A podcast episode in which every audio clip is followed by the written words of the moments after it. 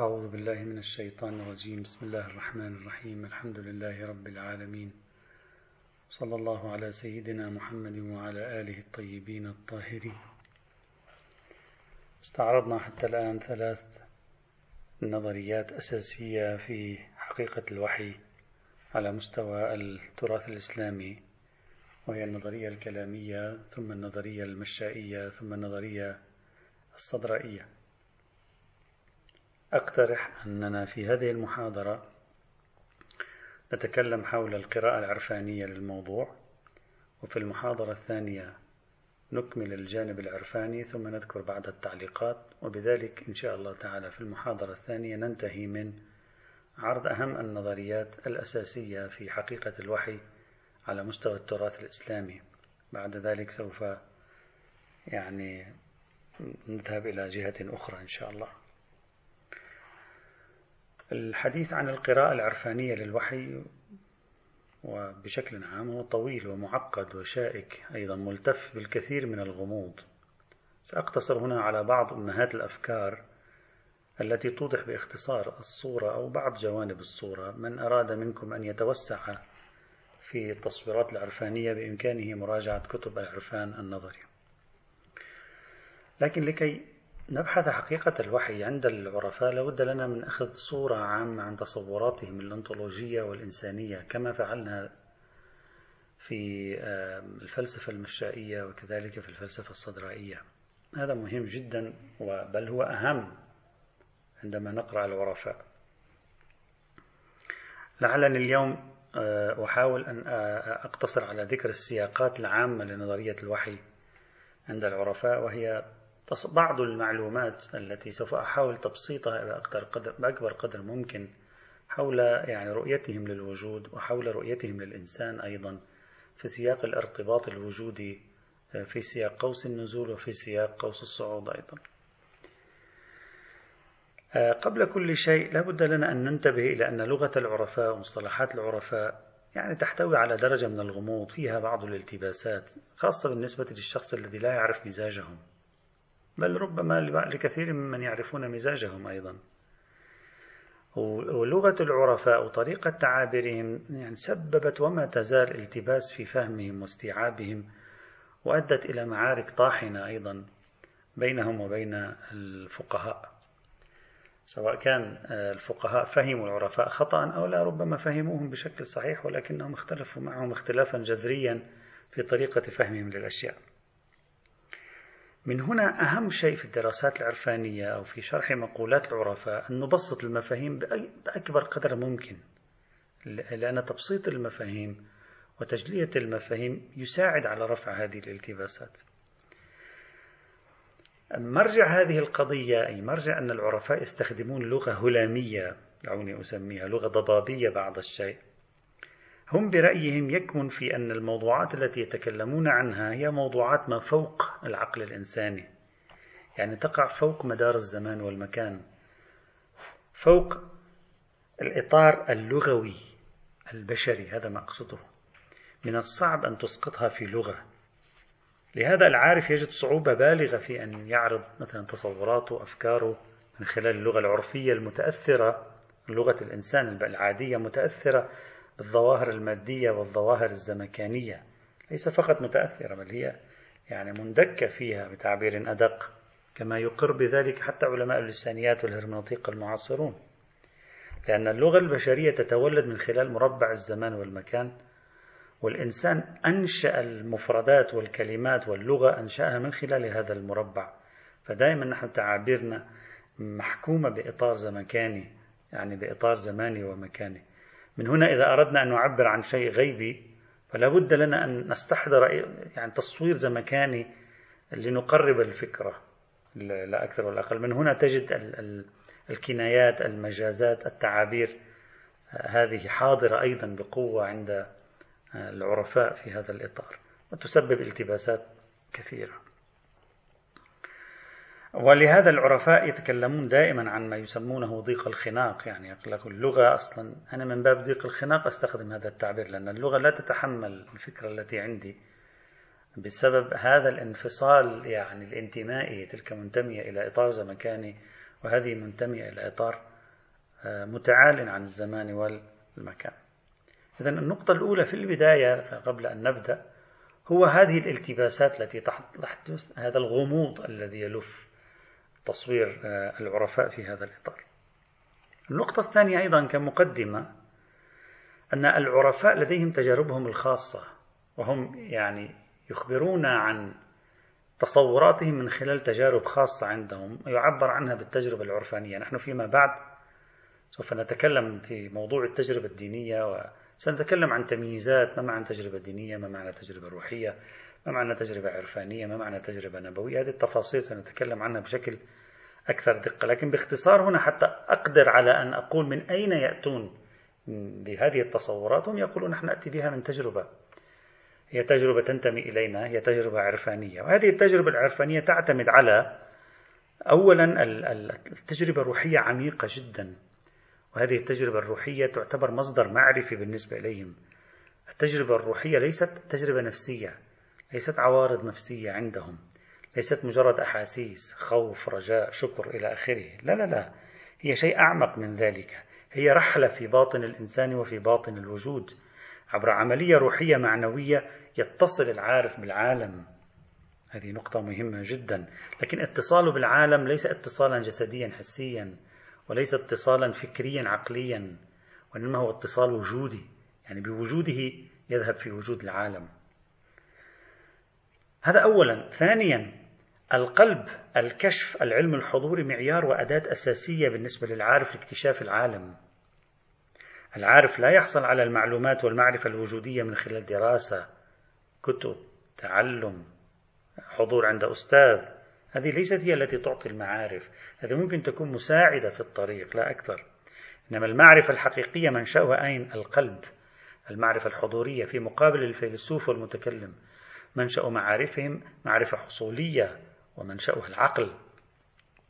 إذا العارف عندما يقول أنا حصلت على معرفة لا يقصد من ذلك أن تأتيه المعلومات إلى ذهنه كصور عقلية بل هو يقصد أنني أنا أندك في العالم أدخل في باطن الوجود أذوب فيه ويذوب في لتحصل نوع من العلاقة الوجودية بين العقل, بين العاقل والمعقول هذه المرة. نحن علاقتنا بالأشياء نحن كأشخاص عاديين. علاقتنا بالأشياء هي علاقتنا آه، بواسطة صور وسيطة. يعني عندنا صورة ذهنية عن الشيء الموجود في الخارج. هذه الصورة تخبرنا عن الشيء. لا أن الشيء بنفسه يندك فينا أو نحن نرتبط به ارتباط. ارتباط وسائطي. الصورة الذهنية هي التي تحكي عن عن كل شيء. أما العارف يتكلم لك لا عن عن علم حقيقي من نوع أكبر من العلوم المدرسية هذه التي تعتمد على العلوم الحصولية على الصور الذهنية. فكرة موجودة في ذهننا نحن نصوغها على شكل قضية مثلا. كل إنسان ميت أو أو فلان موجود هناك وما شابه ذلك. لا لا لا قضية أبعد من ذلك. لذلك مثلا سيد حيدر الآملي وهو من كبار العرفاء يعني يسمي هذا العلم الذي يحصل عليه العرفاء يسميه بالعلم العلم الإرثي الإلهي ويجعلونه في مقابل العلم الرسمي الاكتسابي.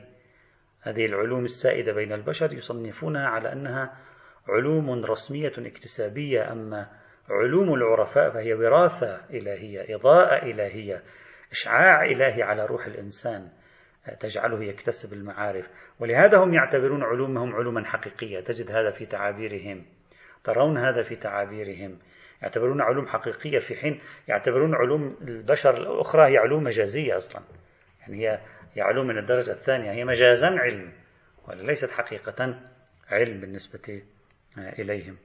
إذا أول نقطة اعتمادهم على التجربة الروحية بوصفها مصدر معرفي. ثانيا التجربة الروحية هذه منشأها القلب والكشف والعلم الحضوري. ثالثا هذه المدرسة تعتبر أن العلوم الحضورية الكشفية القائمة على القلب والتجربة الروحية أهم وأعمق وأدق وأصوب وأرقى من العلوم التي نكتشفها بالتجربة أو الحس أو نكتشفها حتى من خلال قراءة النصوص أو من خلال البراهين العقلية. دائما يعتبر نفسهم أرقى وكما قلت دائما كل فريق يعتبر نفسه هو أرقى الفرق في مجال المعرفة. الفيلسوف يرى نفسه متقدما العارف يرى نفسه متقدما المتكلم يرى نفسه وهكذا. النقطة الرابعة والأخيرة أيضا في سياق التوضيح توضيح مفهومهم للتجربة العرفانية. وهذه النقاط طبعا يعني متداخلة فقط للتوضيح. أن التجربة العرفانية لها بعدان. بعد روحي يعني مثل إخلاص تفاني تساوي المدح والذم الفناء في حب الله إلى آخره. وهناك بعد ثاني بعد معرفي. هذا فرق أساسي ما بين مثلا على مستوى خاصة عند المتأخرين ما بين العرفان المسيحي والعرفان الإسلامي. بشكل عام في العرفان الإسلامي العارف التجربة العرفانية لا تعطي فقط أحاسيس لا تعطي فقط يعني عوارض على روح العارف وإنما هي معرفة وجودية أيضا تعطي خبر عن العالم. بينما في العرفان المسيحي غالبا خاصة المتأخرين غالبا التجربة العرفانية تجربة إيمانية هي تجربة روحية. ليس من الضروري أن تنبئ عن شيء موجود في الخارج. هذه نقطة مهمة جدا. لأن هذه النقاط الأربع يعني توضح لي ما هو المراد من التجربة العرفانية. سأكتفي بهذا المقدار إذا المقدمة الأولى التباس لغة العرفاء وغموضها. التباس لغة العرفاء وغموضها وضرورة التريث في فهمها.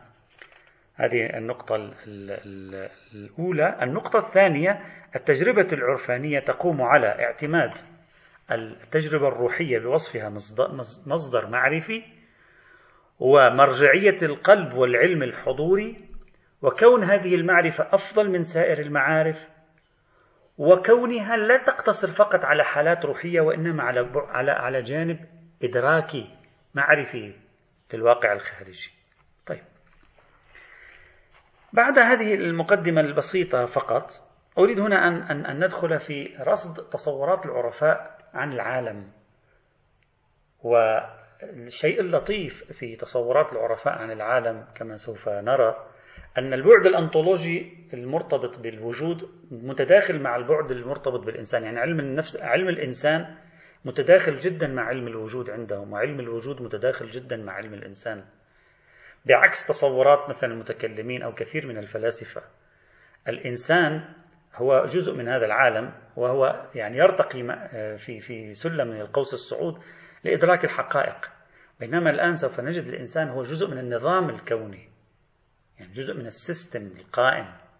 وهذه نقطة مهمة جدا سوف نراها الآن. من هنا سأجعل شروعي بفكرة الولاية والإنسان الكامل أو علم الإنسان العرفاني. الولاية والإنسان الكامل تعد أحد أهم أركان التصورات العرفانية عموما وأحد أهم أركان قراءة العرفاء للوحي خصوصا كما سنرى إن شاء الله في المحاضرة القادمة.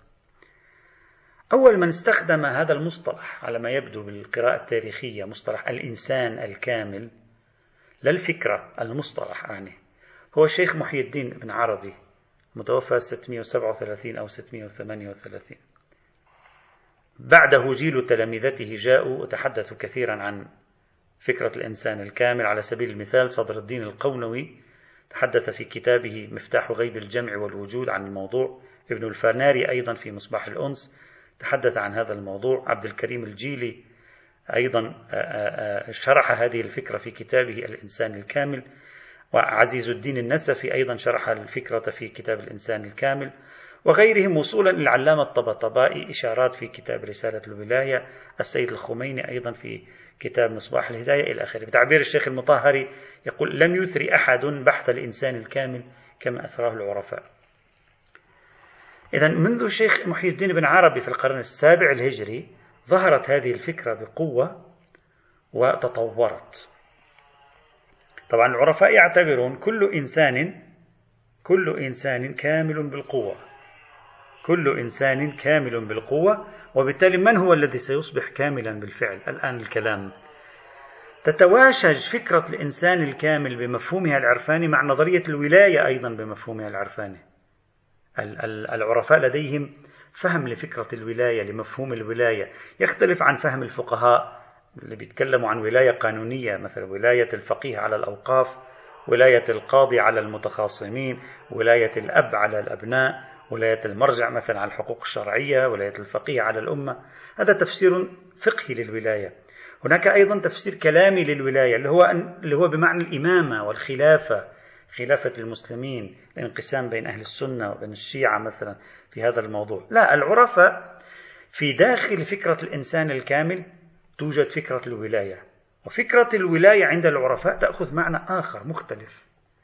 إذا عندما أريد أن أصنف المنظومة التصورية للعرفاء التوحيد هو أعلى قمة الرتب الوجود يتلوها مفهوم الإنسان الكامل والولاية. وهذه نقطة مهمة للغاية. العرفاء عندما يتحدثون عن الولاية والإنسان الكامل هم لا يتكلمون عن إنسان صالح أو جيد وبارك الله فيه وسيدخل الجنة. لا هم يرون الإنسان الكامل ومنظومة الولاية كما سنشرحها ظاهرة وجودية في العالم. يجب علينا أن نكتشفها يجب علينا أن نحللها يجب علينا أن نفهمها. وبالتالي الولاية عندهم ليست شأن تنظيمي دنيوي وليست قضية كلامية أو قضية تاريخية. إنما هي عبارة عن ظاهرة وجودية كونية بالمعنى الواسع للكلمة وهي مهمة للغاية لأن قوام عالم الوجود برمته عندهم فيما سوى الله مبني على الولاية ومبني على الإنسان الكامل. العرفاء عندما يتكلمون عن الولاية يأخذون جذر كلمة الولاية من كلمة ولا تقول زيد يلي عمرا. ما معنى زيد يلي عمرا؟ أي زيد هو التالي لعمر يأتي وراءه مباشرة. من, من, من كلمة التالي لعمر تأتي الولاية بمعنى القرب. الذي يتلو شيئا فهو أقرب الأشياء إليه صحيح؟ إذا الولاية بمعنى القرب. كما جاء في بعض الكتب اللغوية وبعض الكتب أيضا العرفانية الولي الولي الولي القرب. يقال وليه فهو وال وتباعدوا بعد ولي. يعني تباعدوا بعد قرب. وجلس مما يليه أي جلس مما يقربه. إذا عندما يقول العارف الولاية يقصد منها القرب الولي هنا هو القريب من الله سبحانه وتعالى. القرب من الله ذو مراتب. أرجو الانتباه جيدا أعزائي القضية شوية قد تبدو شوي غامضة لمن غير مطلع. لكن أعتقد أننا سوف نسهلها ومن هو مطلع أعتقد يفهم القضية بسهولة. الولي إذن هو القريب من الله. هذا القرب له مراتب عدة لأنه عندي عندي المركز وهو الله والقرب أمر نسبي. لذلك درجات الأولياء متفاوتة. طيب متفاوتة بحسب ماذا؟ متفاوتة بحسب اختلاف قربهم وبعدهم من الله. فإذا لما نقول درجات الأولياء يعني نقصد نسبة قربهم من الله تعدد نسبة قربهم من الله. فالأقرب هو الأكثر الولاية والأبعد هو أقل ولاية. إذا هذا هو حجر الزاوية لمجمل تصورات العرفاء عن الولاية. الولي إذا عندهم من هو؟ هو القريب من الله. وكلما اقترب الإنسان من مركز الوجود ومصدر الإشعاع فهو أكثر ولاية. إذا عندما يتحدث العارف عن التقرب إلى الله لا يقصد التقرب المادي ولا يقصد التقرب بمعنى الشعور الوجودي بالله هكذا تشعر بالله وتحس أنك تقصد القرب إليه بل القرب من الله عند العرفاء قرب حقيقي. هو ظاهرة أنطولوجية هو ظاهرة وجودية تجعل الإنسان يقترب من مركز الوجود. فيسير في رحلته الباطنية إلى الله. لذلك تشوف العرفاء دائما يتكلمون عن فكرة وإلى الله المصير. يعني المرجع نرجع إلى نقطة الانطلاق. طيب. إذا عندما أدخل إلى تحليل التصورات الوجودية والإنسانية عند العرفاء سأبدأ من فكرة الولاية والإنسان الكامل اللي هي مركز الكثير من الأفكار هنا في بحثنا. الولاية إذا بمعنى القرب. القرب هنا له بعد أنطولوجي وجودي. إذا هو يدخل في, في باطن الوجود. هذا الولي يدخل في باطن وله رتب أيضا. طيب. إذا سألنا أنفسنا سؤالا الآن. ما هي العلاقة بين الولي والإنسان الكامل؟ هل الولي هو الإنسان الكامل؟ طيب إذا كانت الولاية مفهوم تشكيكي له درجات هل الإنسان الكامل أيضا أمر تشكيكي له مراتب؟ ماذا يجيبني العارف؟ يقول لي العارف الولاية العرفانية يعني الولاية بالتصور العرفاني لها مراتب. ومن نقطة الصفر إلى مرحلة ما يسمونه الإنسان الكامل توجد مئات الدرجات. شوف لاحظ إذا رتبة الإنسان الكامل هي أعلى رتب الولاية يعني أعلى رتب القرب بالمعنى الصوفي العرفاني إذا العارف يجب أن يمشي أو السالك يجب أن يمشي في سلم الصعود إلى الله اللي هو سلم الرقي الوجودي ويعبر ويقترب اقترابا وجوديا حقيقيا. إلى درجة اسمها الفناء في الله. اسمها الفناء في الله. هنا إذا وصل إلى درجة اسمها الفناء في الله يصبح هذا الولي العرفاني إنسانا كاملا. في داخل درجة الإنسان الكامل توجد أيضا درجات. إذا الرحلة هكذا الرحلة القربية التي تبدأ بها الولاية من أول خطوة اقتراب أول خطوة اقتراب وجودي من الله سبحانه وتعالى بصفته جوهر الوجود أول خطوة تبدأ رحلة الولاية. نعبر في درجات نصل إلى مستوى الفناء في الله تتحقق فكرة الإنسان الكامل. تحقق فكرة الإنسان الكامل لا يعني أن الكل صاروا سواسية بل داخل عالم الإنسان الكامل توجد أيضا رتب وجودية. إذا الفناء في الله هو حجر الزاوية في تعريف الولاية والإنسان الكامل. لكن فكرة الفناء بالله من المفاهيم الملتبسة والإشكالية في العرفان لأن خصوم العرفاء اعتبروها مادة خصبة للنقد عليه ما معنى الفناء؟ هل نبدأ يعني من وجود وننتهي بعدم؟ إذا كان المقصود بالفناء الانعدام الحقيقي ألا يتصادم هذا مع الحقائق الفلسفية التي تقول الوجود لا يعدم والمعدوم لا يعود؟ هنا ماذا يقول العرفاء؟ العرفاء يقولون لنا الفناء عندنا لا يعني العدمية. لا نقصد من فناء العبد في الله أن العبد انعدم تلاشى لم يعد موجودا على صفحة الوجود. هذا التعبير تعبير الفناء هو أيضا من ضيق اللغة من ضيق الخناق. لا لا لا نقصد هذا أبدا. طيب يا أخي ماذا تقصدون من الفناء إذا قالوا الفناء هو بمعنى غياب النفس عن رؤية عالم الكثرات.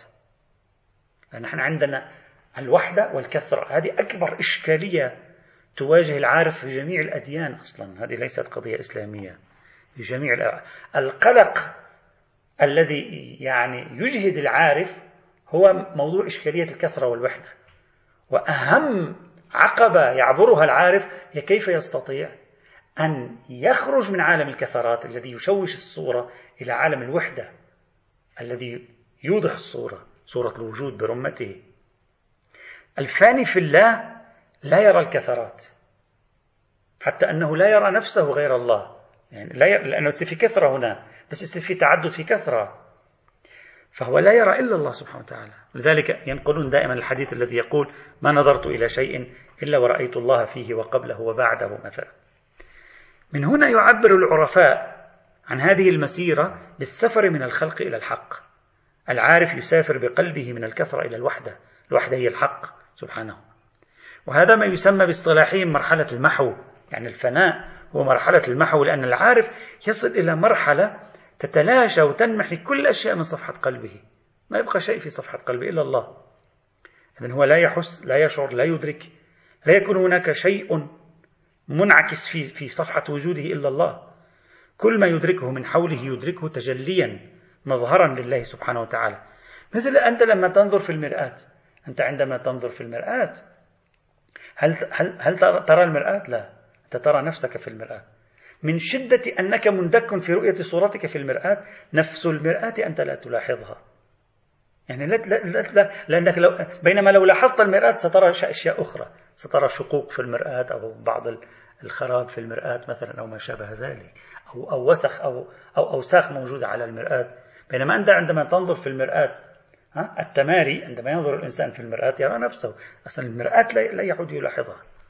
مركز الملاحظة هو صورته. نفس الشيء. عندما يرى العارف العالم كله من حوله بل حتى عندما يرى نفسه لا يرى إلا انعكاس وجود الله ظهور الله في العالم. ولذلك تتحقق مرحلة الوحدة هذه. هذه مهم جدا. عندما يرى الواصل إلى مقام الفناء يرى يرى إنسانا آخر يرى نفسه يرى نباتا هو في الحقيقة يراها كلها مرايا ينعكس فيها ظل الله سبحانه وتعالى ونور الله سبحانه وتعالى. بهذا العارف يفر من الخلق إلى الحق. وهذا هو السفر الأول من الأسفار الأربعة التي شرحها لنا الملا صدرة والتي تحدث عنها العرفاء أيضا. إذا أردت أن أمثل أشبه شيء بشخص فيزيائي. الفيزيائي لا يرى شجر ولا يرى حجر ولا يرى مدر ولا يرى شمس. وهذه كلها لا يراها الفيزيائي ماذا يرى؟ يعتبرها هذه مجرد أوهام. لا يرى سوى ذرات وما هو أعمق من الذرات.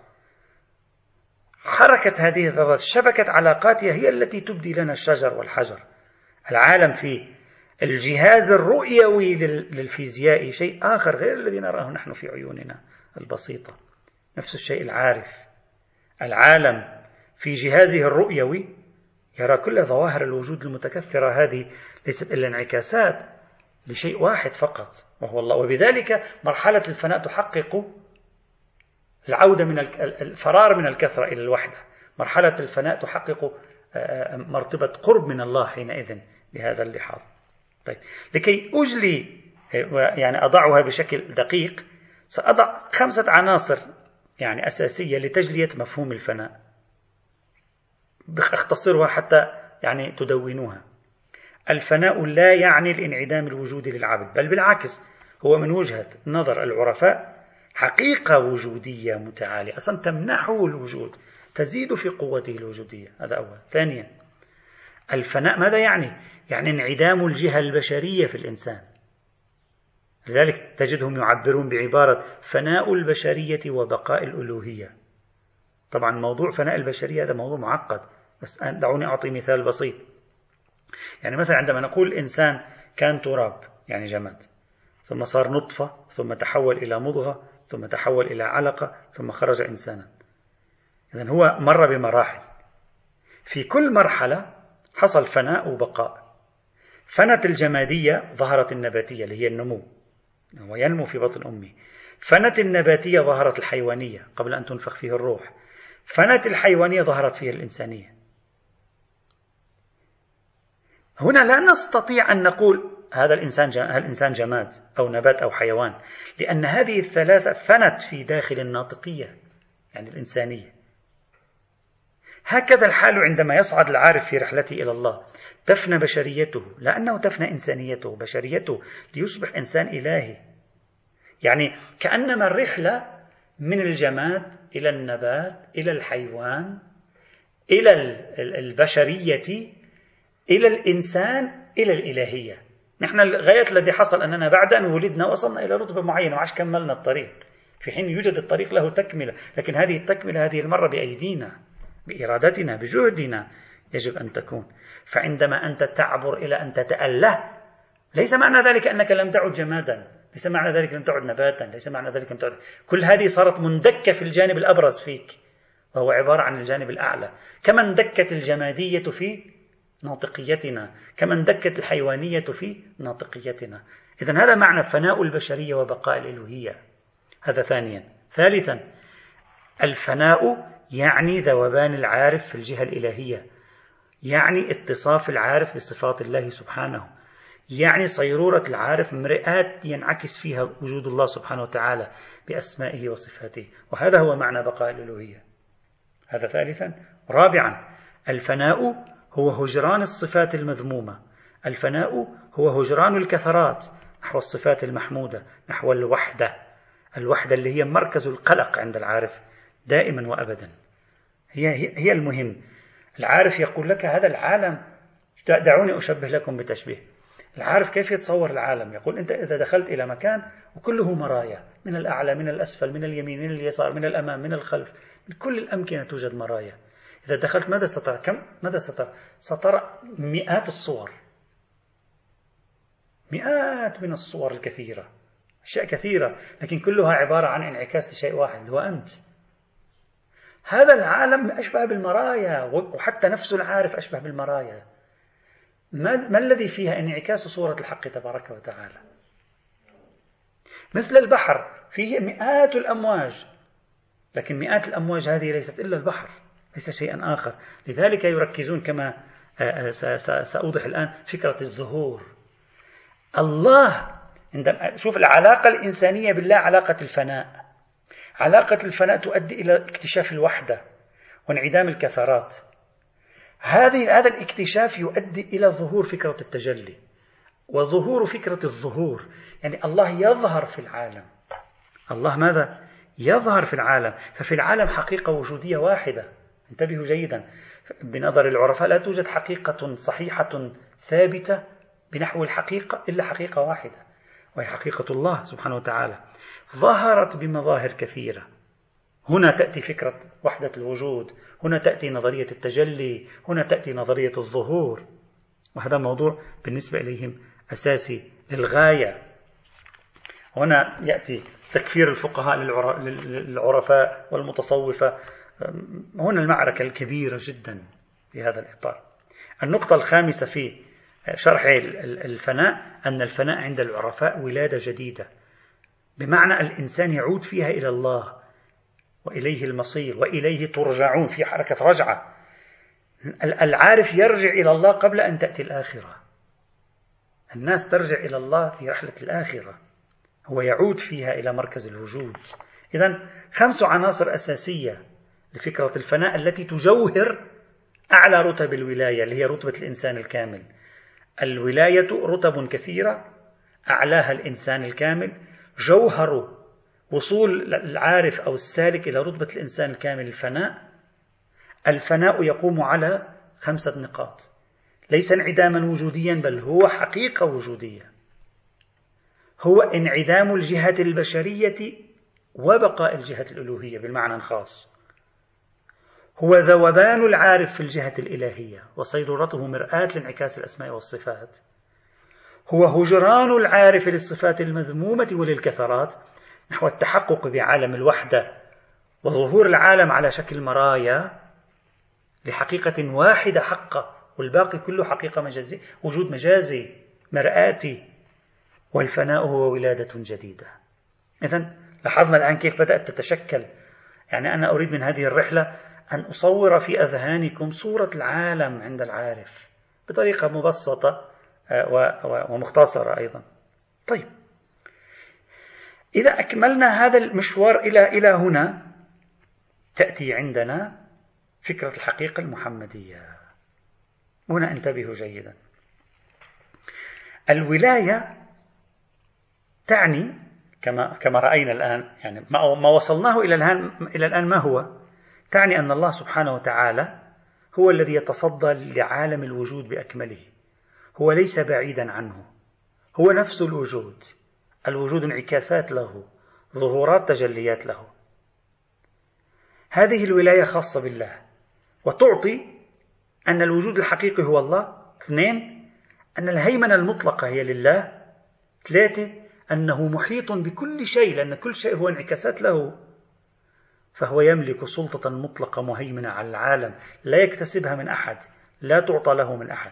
إذا الولاية المطلقة العليا هي ولاية الله. تستوعب كل الخلق كل الوجود هي ولاية إلهية حقيقية أزلية. أصلا لا يوجد ما هو حقيقي أكثر منها. تنبع من ذات الإلهية وتنعكس على العالم برمته. طيب الآن هذه الإحاطة المطلقة الإلهية بالعالم العارف ماذا يقول لي؟ يقول أنتم في الثقافة الشعبية كذلك ثقافة بعض المتكلمين أن الله سبحانه وتعالى يدير العالم بالوسائط يعني مثل أن الله جالس في مكان والعياذ بالله وعنده قوى مثل الملك اللي عنده قوى هو يدير الدولة كلها لكن يديرها بواسطة قوى أنتم تتصورون بالتصور الشعبي أن إدارة العالم تكون عن بعد أشبه بإدارة عن بعد يدير من خلال الجنود الملائكة القوى. أما العرفاء والفلاسفة الصدرائيون القضية عندهم تبدو مختلفة أكثر من هذا التصوير الشعبي. الله عندهم موجود في كل شيء هو داخل في كل شيء. داخل لا بممازجة وخارج لا بمفارقة وهذا شيء يبدو متناقض. لكن العرفاء يعتبرون علاقة الله بالعالم هي علاقة الداخل والخارج علاقة المفارقة والمداخلة. هذه من المفاهيم العميقة التي تقوم عليها العلاقة بين الله وبين مخلوقاته. نمط علاقة الله بمخلوقاته ليست مثل نمط علاقة الرئيس بموظفيه. الله ليس بعيدا عن جميع مظاهر الوجود هو داخل مظاهر الوجود. دون أن تسقط قيمته. هو خارج عنها دون أن يبتعد عنها. هذا هو المفهوم الذي قد يصعب استيعابه. العرفاء يقولون نحن أدركناه. فهمناه. كيف فهمناه يقولون نحن فهمناه بنظرية الظهور والتجلي. بنظرية الظهور والتجلي. طيب. فهمنا الآن الولاية الإلهية. هذه الولاية ما معنى هي يعني ولاية الله على العالم. إذا من خلال رحلة فكرة الولاية والقرب والفناء ودرجات القرب والإنسان الكامل ووصول إلى رتبة إدراك أن الحقيقة الحقة في العالم هي الله والباقي كله انعكاسات. عدنا مرة ثانية من طرف الله لنقول من طرف الله الله له الهيمنة إذ كل شيء انعكاسات له. هذه السلطنة الإلهية. فهل هناك ولاية إنسانية مطلقة؟ الله له الولاية المطلقة. فهل للإنسان ولاية مطلقة؟ العرفاء هنا يقدمون لنا تصورا عن العالم. الولاية الإنسانية يعني ولاية الولي الإنساني الإنسان الكامل ليست تشريفاتية ليست اعتبارية هي حقيقة تكوينية. انتبهوا معي جيدا الآن سندخل في في موضوع مهم للغاية. عندما أقول بأن الولي أو السالك أو العارف هو في أعلى درجات القرب من الله وصل إلى مرتبة الإنسان الكامل وداخل مرتبة الإنسان الكامل توجد مراتب. طيب هذا القرب ماذا يعني؟ هذا القرب يعني أن خلينا أعبر بطريقة أو بأخرى. هذا القرب يعني اندكاك يعني تصاعد الطاقة الوجودية تصاعد الطاقة الوجودية عند هذا الإنسان. تصاعد الطاقة الوجودية. الله يقع في القمة. هو الحقيقة التكوينية الأزلية المطلقة الواحدة في الوجود. به قوام العالم. طيب من الذي يقع بعد الله الآن؟ مباشرة بعد الله هناك أمر تكويني آخر هو الحقيقة المحمدية. هذا أمر مهم جدا. العلاقة بين الله والحقيقة المحمدية علاقة تكوينية أزلية. الحقيقة المحمدية هي الواسطة بين الله سبحانه وتعالى وبين كل العوالم. الواسطة بين الله سبحانه وتعالى وبين كل العوالم. أي ما معنى كل العوالم؟ يعني عالم المادة عالم المثال عالم التجرد التام والعقول. هي الواسطة بين الله وجميع الأنبياء والأوصياء من حيث المبدأ. إذا عندما أتكلم عن الصورة الأنطولوجية للوجود عند العرفاء الله أول شيء ظهر وتجلى فيه الله هو الحقيقة المحمدية. عندما أقول الحقيقة المحمدية ليس النبي محمد انتبه. الحقيقة المحمدية هي رتبة وجودية. هناك درجات للحقيقة المحمدية. أعلى وأظهر وأشد وأرفع رتبة تحققت فيها الحقيقة المحمدية هي تلك التي تجلت وتشخصت في شخص محمد بن عبد الله صلى الله عليه وعلى آله وسلم.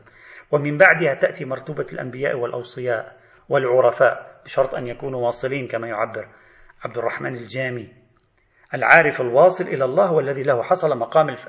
حصل له مقام الفناء ودخل ضمن دائرة الحقيقة المحمدية. هذه هي خارطة العالم ورتب الوجود في وجهة نظر العرفاء. لاحظوا؟ إذا من جهة نحن في البداية كنا نتكلم عن حركة صعود الإنسان الوجودية باتجاه الله وماذا يحصل في ظاهرة الفناء وظاهرة القرب وانكشاف التجليات الإلهية. الآن من الزاوية الثانية الله عندما تجلى أول شيء تجلى فيه رتبة الحقيقة المحمدية. هي الصادر الأول يعني ما يعبر عنه الفلاسفة الصادر الأول يعبر عنه العرفاء بالحقيقة المحمدية. وهذه نقطة في غاية الأهمية. طيب هلا تأتي تقول لي محمد بن عبد الله وين هو؟ يقول لك محمد بن عبد الله هو أعلى رتبة الحقيقة المحمدية. الآن عندك سؤال أنت سريع تقول لي كلنا نعرف أن محمد بن عبد الله ولد قبل 1500 عام. ما معنى أن الحقيقة المحمدية أزلية؟ ما معنى أنها أول الصادر؟ ما معنى أن أكمل تجلياتها كان في رسول الله؟ ما معنى أن العالم كله متفرع على هذه الحقيقة المحمدية المتجلية بأعلى رتبها في شخص الرسول؟ ما معنى هذا؟ يعني الحقيقة المحمدية بحسب تعبيرك الآن هي شيء قبل هذا قبل 1500 لا, لا ليس لها أول. هي أول ظهور لله والله دائم الظهور. هي أول ظهور لله. والله دائم أول تجل لله والله دائم التجلي. هنا يجيبك العرفاء يقولون لك محمد هو أول خلق الله. ويستشهدون لك أحيانا بروايات كما في الرواية المشهورة عن جابر بن عبد الله الأنصاري قال قلت لرسول الله أول شيء خلق الله تعالى ما هو؟ فقال نور نبيك يا جابر خلقه الله ثم خلق منه كل خير. يعني مثل هذه التعابير المتعددة تصرح بأن الرسول هو أول ما خلق الله. وهذا ما يسمونه بمقام الحباء. ظهور الحقيقة المحمدية في أجل صورها كان في رسول الله. أما رسول الله هذا الذي نحن نعرفه فهذا الوجود الناسوتي له. هذا الوجود المادي له. هذا الوجود الدنيوي له. وإلا هو في جوهره اللاهوتي وجوده هو أول صادر. هنا تأتي التداخلات ما بين الفكر العرفاني والفكر الإمامي الذي يتكلم. مثلا بعضهم هكذا بعض العرفاء الإمامية هكذا يطرحون. يقولون عندما نقول أن أهل البيت والرسول كلهم نور واحد ليس التعبير هذا تعبير مجازي أو تشريفاتي. هذا المقصود منه أن هذه الكثرة التي تراها فيهم أربعة عشر شخص هذه كثرة ناسوتية.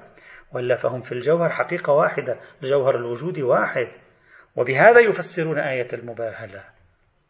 وهذا ما مكن العرفاء من تفسير أحاديث الأنوار والأشباح وخلق قبل خلق العالم في أنوار وإلى آخره. يعني الروايات التي تقول بأن أنوار النبي وأهل بيت النبي كانت موجودة قبل الخلق واللي يبدو فهمها ثقيلا العرفاء يقولون لا لا إشكال في هذه النصوص. هي عين الحقيقة. هؤلاء النبي وأهل بيته كانوا قبل هذا العالم. لماذا؟ لأنهم هم المظهر الأتم للحقيقة المحمدية. هم الواسطة بين الله والعالم. هم الذين و... هذا الذي نجده في, في أجسامهم هذا ليس سوى الجانب الناسوتي. الظهور المادي لهم في حياة البشر.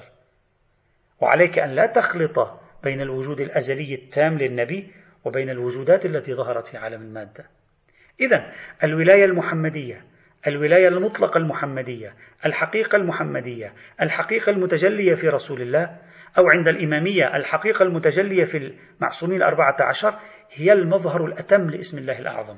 هي الجامع الأتم لصفات الله تعالى وأسمائه. لذلك هم يسمون النبي محمد الولي المطلق الحقيقي. ويسمون الولاية المحمدية بالولاية الخاصة. ويسمون ولاية غير محمد بالولايات المقيدة. والولاية المطلقة المحمدية هي الواسطة ما بين الله وما بين الجميع.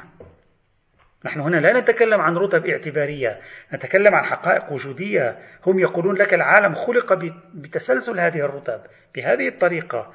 القوة الوجودية الطاقة الوجودية من الله نزلت إلى الحقيقة المحمدية. ومن الحقيقة المحمدية إلى ما هو أنقص إلى ما هو أنقص إلى أن رأينا كل هذه المنظومة في العالم.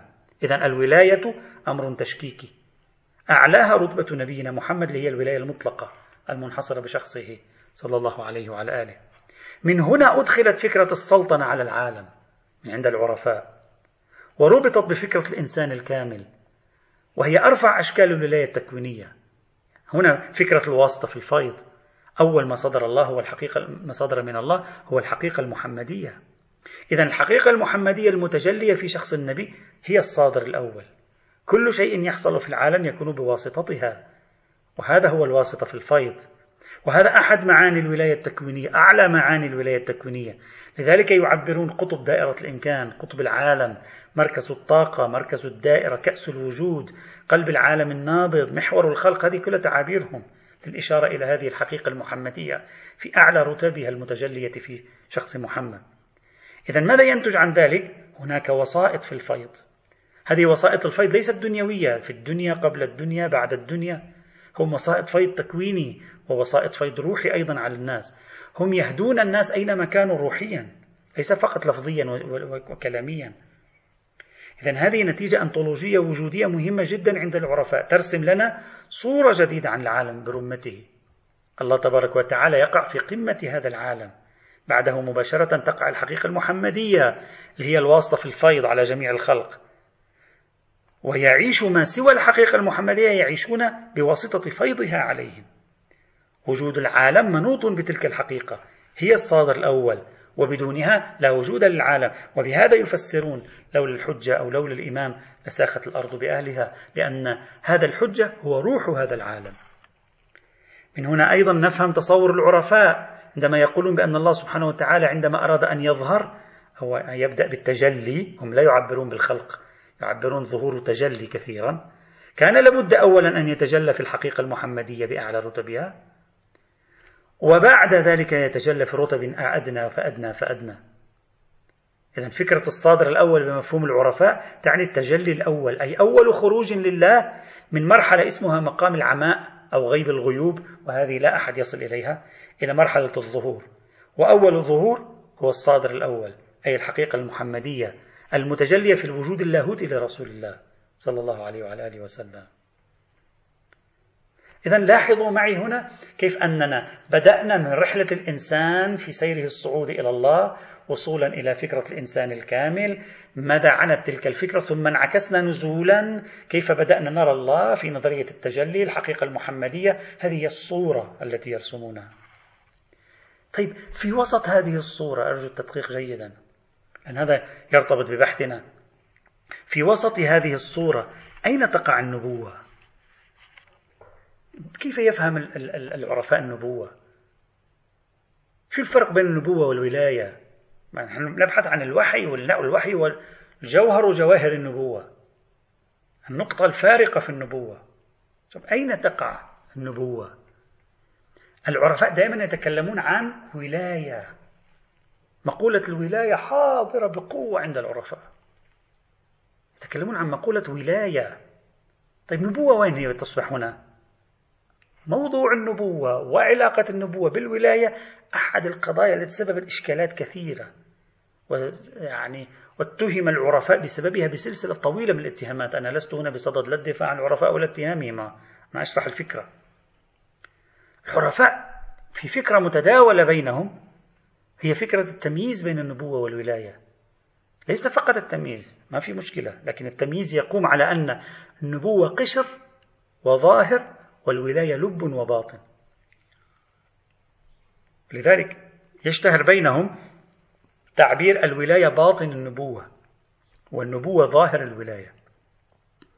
وعندهم تقسيم آخر يذكره أيضا صدر المتألهين الشيرازي الشريعة تمثل الظاهر وباطنها النبوة والنبوة تمثل الظاهر وباطنها الولاية. تعبير حيدر الآملي الرسالة قشر لبه النبوة دهنه الولاية. دهن الزيت. العصارة هي الولاية. اللب هو النبوة والرسالة قشر. هذا كلام يعني إذا تلقيه على فقيه أو متكلم غير هذا كفر. شو هذا الكلام مثلا؟ ها؟ شيء رهيب. قصة إبراهيم. إني جاعلك للناس إمام أساس عندهم في اعتبار أن الولاية أعلى من النبوة. طيب هل هذا يعني عند العرفاء أن العارف اللي هو حصل على مقام الولاية العارف الواصل حصل على مقام الإنسان الكامل مقام الولاية هل يعني ذلك أن العارف أولى من النبي؟ أهم من النبي؟ يقول لك لا لا أقول لك العارف أهم من النبي انتبه جيدا. أنا أقول أنا أقول لك الأهم الأنبياء أهم وأعلى من العرفاء لأن الأنبياء كلهم يملكون الولاية مع اختلافهم في مراتبها. لأن المفروض أن الأنبياء يصلون إلى مقام الولاية بطريقة يسمونها هم بالمجذوب السالك يعني بعملية هبة إلهية يجذبه جذبة واحدة فيرفعه في رتب الوجود في لحظات مش يعني يعاني ويجهد. لذلك عندهم نظرية موضوع الاصطفاء يعني هنا موضوع استثنائي عندهم موضوع موهبة إلهية تأتي هنا في هذا الإطار. طيب. إذا كل الأنبياء أولياء. أولوية الولاية على النبوة لا تعني بالضرورة أولوية العارف على النبي لأن النبي هو عارف أيضا يعني هو ولي أيضا. كذلك لا تعني قضية النبي إبراهيم ذلك لأن مقصودهم من من من إمامة النبي إبراهيم رتبة أعلى من عالية من الولاية حصل عليها إبراهيم. ما معنى هذا الكلام؟ معنى هذا الكلام أنه نحن نقول الولي من حيث هو ولي أفضل من النبي من حيث هو نبي، لكنه ليس أفضل من النبي من حيث هو ولي. فإن النبي اجتمعت فيه الولاية والنبوة. لكن ولاية النبي أعلى وأهم من نبوته. أعلى وأهم من نبوته. هذه النقطة المهمة بالنسبة إليهم أعلى وأهم من النبي. بل هنا جانب آخر الولاية عندهم لا تنفك عن النبوة. يعني كل ولي النبي. طيب وين ختم النبوة؟ ها يقول لك ختم النبوة بمعنى النبوة التشريعية ختمت برسول الله. أما النبوة الإنبائية التي تخبرك عن الغيب فهي لم تختم. موجودة بالأنبياء ما ختم هو النبوات التشريعية النبوات الأديانية لا النبوات الإنبائية. وإلا باب الغيب ما يزال مفتوحا للبشر. لم يغلق الله باب الغيب للبشر. أغلق باب الإتيان بأديان أغلق باب الشرائع أغلق باب وضع نظم للبشر أغلق باب رسالة جديدة يوجهها للبشر. نعم هذه أغلق بابها. هذه نقطة مهمة. طيب دعوني أرجع, أرجع إلى آه، ذكر مجموعة نقاط مشتركة بين الولاية والنبوة ومختلفة بين الولاية والنبوة. المشتركات النبي والولي يشتركان في أنهما يكشفان حقائق الوجود بقوة قدسية فوق عقلية إنما بالعلم الحضوري الشهود الكشفي. اثنين علومهما لا تكون بالتعلم الكسبي بل بالإلهامات وعلوم المعنى. ثلاثة تصدر منهما الأفعال الخارقة للعادة. في النبي تسميها معاجز في الولي تسميها كرامات براحتك التسمية. هذه عناصر الاشتراك. عناصر, عناصر الامتياز. واحد النبوة التشريعية منقطعة. لا توجد بعد محمد نبوة تشريعية. أكبر الأولياء بعد الرسول. لا يمكن أن يأتي بفقه ولا بشريعة ولا برسالة ولا بديانة جديدة. أما الولاية فلا تنقطع ولا تزول. الولاية باقية ما بقي الدهر. الولاية هي هي هي صمام الأمان للوجود. من دونها ينهار الوجود. من هنا يقولون الولاية هي علاقتنا بالله هي الجانب الحقاني. بينما النبوة هي علاقة الأنبياء بالخلق هي الجانب الخلقي. هذا أولا هذا هذا عنصر امتياز. عنصر ثاني الأرض لا تخلو من ولي سواء كان ظاهرا أم باطنا بينما تخلو من نبي. شوف لاحظوا التقاط لاحظوا الارتباطات ما بين كثير من أفكار العرفاء المتصوفة وجزء لا بأس به من الأفكار الموجودة في الموروث الإمامي أيضا الكلامي والروائي. طبعا لا أريد أن أقول هذا أخذ من هذا لكن انظروا التشابهات. ثالثا الولي فوق النبي أو الرسول. شو يعني النبي أو ولي فوق النبي؟ يعني الجانب المتصل بعلاقة الولي مع الله؟ يعني الولي بما هو ولي أفضل من النبي بما هو نبي. يعني أفضل من الجانب المتصل بعلاقة النبي بالناس. يعني جهة ارتباط النبي بالله أهم من جهة ارتباط النبي بالناس. جهة الولاية أهم من جهة النبوة. الولي أولى من النبي. ها هو المعنى. ورابعا وأخيرا اتفق العرفاء على أن مقام الولاية يشترك فيها الرجال والنساء بينما مقام النبوة يخص الرجال. ولذلك يذكرون أمثلة كثيرة. السيدة مريم العذراء سلام الله عليها. السيدة فاطمة الزهراء سلام الله عليها. وإلى آخره. إذا حتى الآن ماذا فعلنا نحن؟ حتى الآن أخذنا التصور العام الأنطولوجي وعلم الإنسان عند العرفاء. فكرة الله بوصفه حقيقة مطلقة واحدة لا توجد حقيقة في العالم غير الله. نظرية التجلي والظهور والانعكاسات حقيقة المحمدية بوصفها الصادر الأول وشبكة علاقتها بالنبي محمد صلى الله عليه وآله وسلم. مفهوم القرب عند العرفاء وارتباطه بنظرية الإنسان الكامل وارتباط نظرية الإنسان الكامل بنظرية الولاية. فكل هؤلاء وسائط الفيض وأعلى واسطة في الفيض الحقيقة المحمدية بأعلى رتبها وهي النبي محمد صلى الله عليه وعلى آله وسلم. هذا كله تحقق جوهر الولاية وجوهر الإنسان الكامل هذه الرتبة من الولاية تحققها بمقام الفناء وشرح فكرة مقام الفناء. هذه هي الصورة العامة الآن. الآن طبعا في فكرة أخرى أنا لم أدخل فيها لأنها شوي يعني لا نريد نطول فكرة الأعيان الثابتة التي يطرحونها طيب الآن بهذه الصورة التي رسمناها نريد أن نفهم ظهرت الوحي في هذا في هذه الرسمة الطويلة العريضة هذه أين تقع؟ وبماذا تمتاز الرؤية الفلسفية الكلاسيكية عن الرؤية العرفانية؟ هذا الذي سنعرفه الآن يعني الوحي وين مركزه هنا الآن؟ يعني على سبيل المثال سأجعلكم تفكرون للمحاضرة القادمة. طيب إذا كان النبي محمد هو الحقيقة المحمدية كيف يوحي إليه جبريل؟ وين تضع الوحي الآن؟ وهو جبريل تحت النبي محمد. يعني المفروض أن النبي محمد أعلى مراتب الحقيقة المحمدية. هو واسطة الفيض جبريل صار جبريلا بالنبي محمد. وهذا سنرى سوف أقرأ لكم في المحاضرة القادمة أيضا بعض النصوص. وين الوحي هنا؟ كيف يمكنك أن تبني نظرية في الوحي في في ضمن في ضمن هذا النظام الوجودي الذي رسموه وفي ضمن هذا النظام الإنساني الذي رسموه؟ الإنسان في علاقته بالله كيف ترسم الوحي هنا؟ هذا ما يحتاج أن نبحث فيه إن شاء الله تعالى في المحاضرة القادمة. في المحاضرة القادمة إذن سوف آه، آه، أذكر نظرية الوحي حينئذ عند العرفاء ونذكر بعض التعليقات أيضا السريعة لننتقل لاحقا إلى مرحلة أخرى من سلسلة المحاضرات هذه إن شاء الله تعالى. والحمد لله رب العالمين.